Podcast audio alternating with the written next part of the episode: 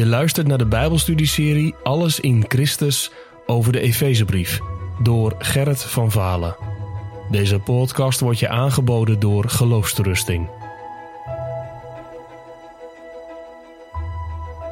Wij mensen vechten wat af. De ene oorlog na de andere. Is het niet met machinegeweren, raketten, tanks, dan is het wel met snijdende woorden. Lasteringen, verdachtmakingen. Conflicten in de politiek, oneenigheid in de kerk, ruzie thuis in het gezin.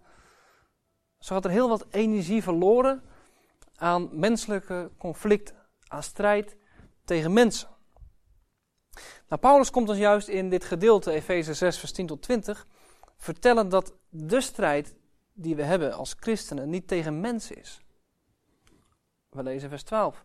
We hebben de strijd niet tegen vlees en bloed. Dat zijn mensen. Paulus zegt, je moet ook niet de strijd aan gaan binden met mensen. Verspil daar niet je energie aan. De strijd die je hebt is tegen de duivel en zijn trawanten, de overheden, de machten, de wereldbeheersers van de duisternis van dit tijdperk. Samengevat tegen de geestelijke machten van het kwaad in de hemelse gewesten. Daar heb jij een strijd mee. Dat is je geestelijke strijd. Nou, de lezers van de Efezebrief hadden ook te maken met die strijd. Ze stonden er middenin. Op welke manier hadden zij daarmee te maken? In handelingen kunnen wij lezen dat in Efeze er sprake was van tegenstand en ook verdrukking. Denk bijvoorbeeld aan de naam van Demetrius, de zilversmid, eh, en het oproer dat hij met zijn collega's veroorzaakte. Denk aan die twee uur durende toestand in dat volgepakte theater, waar velen van de stad woedend en bezeten scandeerden: Groot is de Artemis der Efeziërs. Dat is de tegenstand. Waarachter de Satan werkzaam was in Efeze. Nou, Paulus wil eigenlijk zeggen aan de Efeziërs: als dat je overkomt, zie dat dan niet slechts als iets wat mensen je aandoen, mensen die de strijd met je aanbinden. Nee, het kan niet anders dan dat dat bezeten gedoe te maken heeft met de vorst der duisternis. Hij zet mensen aan om het geloof kapot te maken en om Gods kinderen te beschadigen. je hebt de strijd tegen de duivel. Weet met wie je te maken hebt. Het thema is de geestelijke strijd. En allereerst, wat we hebben gezien, noemt Paulus de tegenstander en het karakter van die strijd. Het is een geestelijke tegenstander en het is een geestelijke strijd. Zoek daarom je kracht in God, die daarboven staat. Het tweede wat Paulus uh, noemt is de middelen, hoe je in die strijd ja, staande moet blijven, hoe je moet vechten. Dat moet je doen met de wapenrusting van God. Neem aan de hele wapenrusting van God, zegt hij.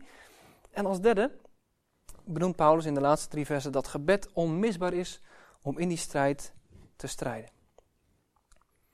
Allereerst de tegenstander in de strijd. De duivel en zijn helpers hebben we al gezien. En nu zien we ook in vers 10 dat je niet in eigen kracht moet vechten. Hoe vaak kunnen we dat niet denken dat we dat wel kunnen? Met een stuk wilskracht of een stuk discipline kunnen we wel die listige verleiding van de Satan aan. Of we denken misschien met een stuk psychologie kun je zijn listen wel doorzien. Paulus zegt stop om in eigen kracht te gaan strijden. Het loopt op niets uit. Sterker nog, de Bijbel staat vol met voorbeelden van mensen die op een of andere manier dachten in eigen kracht, met eigen middelen, wel even die strijd te kunnen winnen. En ze faalden.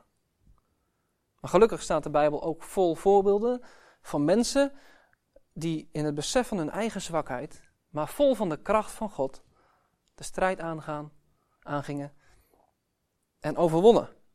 Denk aan de muren van Jericho. Denk aan Gideon en de Midianieten. Denk aan David en Goliath. Strijd de strijd dus in de kracht van God. Word gesterkt in de Here en in de sterkte van zijn macht. En vertrouw niet op eigen kracht. Het is dan ook grove zelfonderschatting om te denken dat we zelf al die listige verleidingen van de duivel kunnen herkennen. Zo worden ze genoemd, listige verleidingen van de duivel. En dat geeft wel iets aan over de strijdtactiek, de strategie van van Satan. Het geeft eigenlijk zijn methode van strijden aan. Eerder achterbaks dan recht door zee. Eerder in een hinderlaag dan strijden in het open veld. Eerder met leugen en met twijfel, op een slinkse manier, een halve leugen, of de waarheid een klein beetje verdraaien, dan door de waarheid glashard te ontkennen. Listige verleidingen. En ze staan in het meervoud. Het zijn listige verleidingen. De duivel is niet voor één gat te vangen. Hij kent het strijdtoneel. Hij kent zijn tegenstanders. Hij loopt al jaren mee. Hij kent de mensen. Hij weet hun zwakke plekken. En hij heeft vele pijlen op zijn boog. Het zijn listige verleidingen. Dus dat is ook weer een reden om je kracht te zoeken in God zelf. En in de sterkte van zijn macht. En Paulus die roept ons dan op om ja, dat we ons zouden bekleden met de hele wapenrusting van God. God heeft een wapenrusting klaar liggen. En je mag naar die garderobekast toe gaan en je mag hem eruit halen en jezelf ermee bekleden en omkleden. Paulus zegt de hele wapenrusting. Niet alleen maar een zwaard of een helm, maar helemaal. Laat geen wapen onaangeroerd liggen. Gebruik alles wat God je geeft. En laat geen lichaamsdeel onberoerd. De hele wapenrusting van God. Nou, wat, wat moet nu eigenlijk het doel zijn in die geestelijke strijd? Het doel moet zijn om stand te kunnen houden. Allereerst de wapens, hier worden ze genoemd. De gordel, die staat voor de waarheid. Het borstharnas van de gerechtigheid. De schoenen, bereidheid van het evangelie van de vrede. En het schild van het geloof, de helm van de redding en het zwaard van de geest, namelijk Gods woord. Nou, wat moet nu eigenlijk het doel zijn bij deze strijd? Hier staat het in vers 13. Je moet weerstand bieden en stand houden. Dat is eigenlijk een heel bescheiden doel, zou je kunnen zeggen. Stand houden. Je hoeft niet eens de duivel te overwinnen, hem onschadelijk te maken. Nee, houd stand. Bied weerstand en houd stand. Hoe komt het nou omdat dat Paulus zo'n bescheiden doel stelt voor de christenen? Het komt hierom. Omdat Christus zelf al de grootste klap heeft uitgedeeld. Omdat hij al heeft uitgeroepen als overwinnaar: het is volbracht. En omdat hij als overwinnaar de zonde, de dood en de duivel al heeft overwonnen. Daarom hoef jij de duivel niet meer te overwinnen. Hij heeft zijn grootste klap al gekregen. En daarom word je opgeroepen om staande te blijven. En dat is denk ik ook de reden dat de meeste van de wapens uh, ook een defensief karakter dragen. En we hebben net al gezien welke wapens God aan de gelovigen heeft gegeven. Zes in totaal. Ik zal ze nog een keer noemen. De gordel, het borstharnas, de schoenen, het schild, de helm en het zwaard. Nou is dat eigenlijk heel mooi. Paulus die noemt dat de wapens van God, de wapenrusting van God. En er zit niet alleen in dat God zelf ons die wapens aanreikt. Het is nog meer dan dat er eigenschappen van God in zitten, zoals de gerechtigheid. Het is namelijk ook dit. God zelf strijdt met ons mee. We kunnen bijvoorbeeld in Jezaja, in het Oude Testament, in twee teksten kunnen we zien dat God zelf bepaalde wapens uit de wapenrusting ter hand neemt en meestrijdt. Jezaja 11 vers 5, want gerechtigheid zal de gordel om zijn heupen zijn en de waarheid de gordel om zijn middel. Hier zien we de gordel die als eerste wordt genoemd in Efeze 6 al terugkomen. Maar dan om de heupen en het middel van de Messias. En in Jezaja 59 staat, want hij trok de gerechtigheid aan als een harnas en zette de helm van het hel op zijn hoofd. Het harnas en de helm, twee andere wapens die genoemd worden. Nou, wat betekent dat? Dat deze teksten hier in het Oude Testament staan. Wat heeft dat voor ons te zeggen? In elk geval dit, dat God dus zelf meestrijdt. Dat hij ons niet alleen laat in een strijd. Hij voorziet, maar hij is er zelf ook bij. Hij gaat voor in de strijd. En zo mogen wij aan de zijde van de Messias strijden. Ons staat een sterke held terzij. die God ons heeft verkoren. Vraagt gij zijn naam zo weet dat hij de Christus heet. Gods eengeboren zoon, verwinnaar op de troon. Dat is eigenlijk wat hier staat. Als je het hebt over die wapens, en ik zou er veel over kunnen zeggen, maar ik beperk het tot dit algemene, dan valt eigenlijk iets heel moois op. Dat is dat, dat die wapens, als Paulus zegt, trek die wapens aan, pak die wapens op, dat hij eigenlijk zegt, richt je op Christus. Want elk wapen heeft te maken met Jezus. Jezus zegt, ik ben de waarheid. De gordel van de waarheid. Jezus wordt genoemd onze gerechtigheid. Trek dan het borstharnas van de gerechtigheid maar aan. Hij wordt genoemd onze vrede. En de inhoud van het evangelie is de vrede. Hij wordt genoemd de getrouwe getuige. Iemand die getrouw is, is betrouwbaar. Daar kun je in geloven. En zo is hij ook de grond en het voorwerp van ons geloof. Hij wordt genoemd onze redding, onze zaligmaker. De helm van de redding. En hij wordt genoemd het woord van God. Wat mooi overeenkomt met het zwaard van de geest, Gods woord.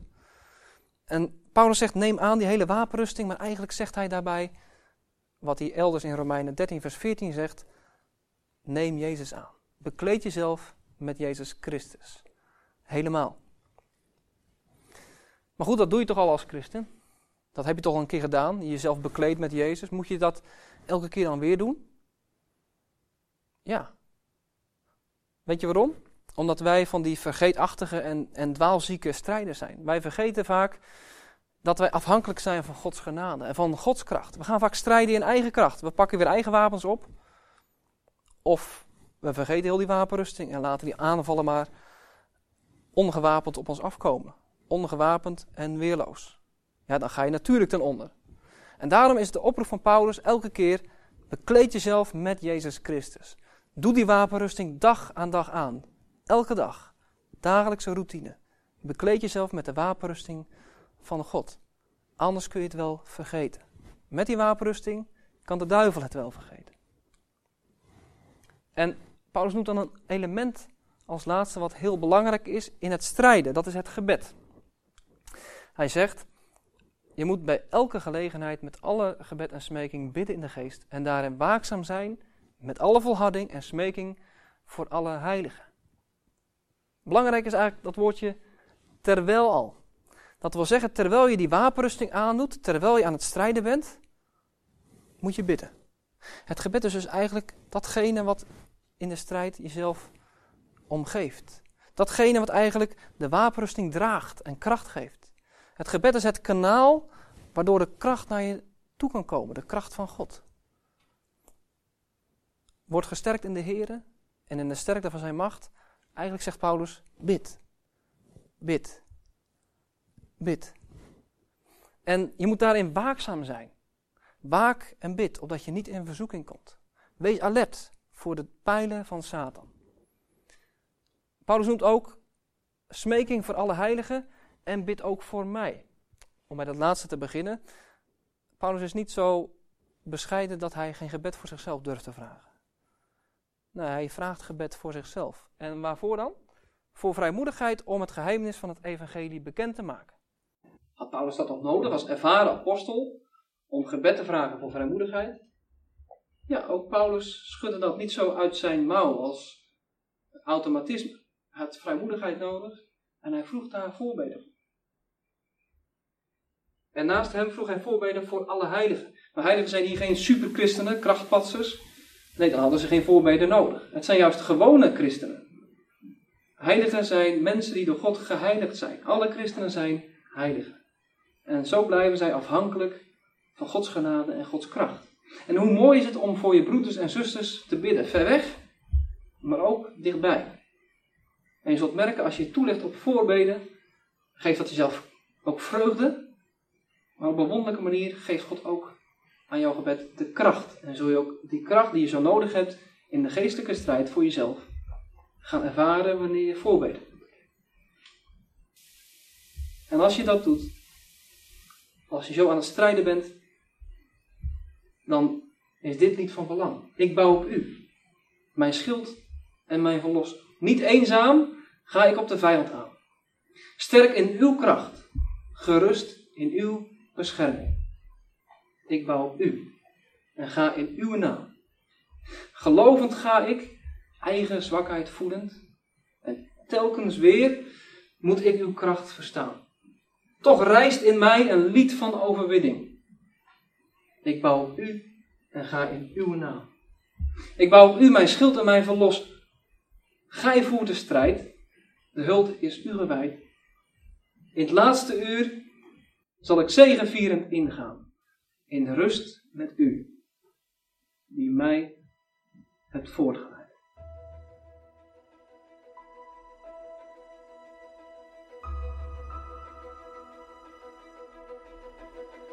Je luisterde naar een podcast van Geloofsterusting. Wil je meer luisteren, lezen of bekijken? Steun dan onze missie en ga naar de website geloofsterusting.nl.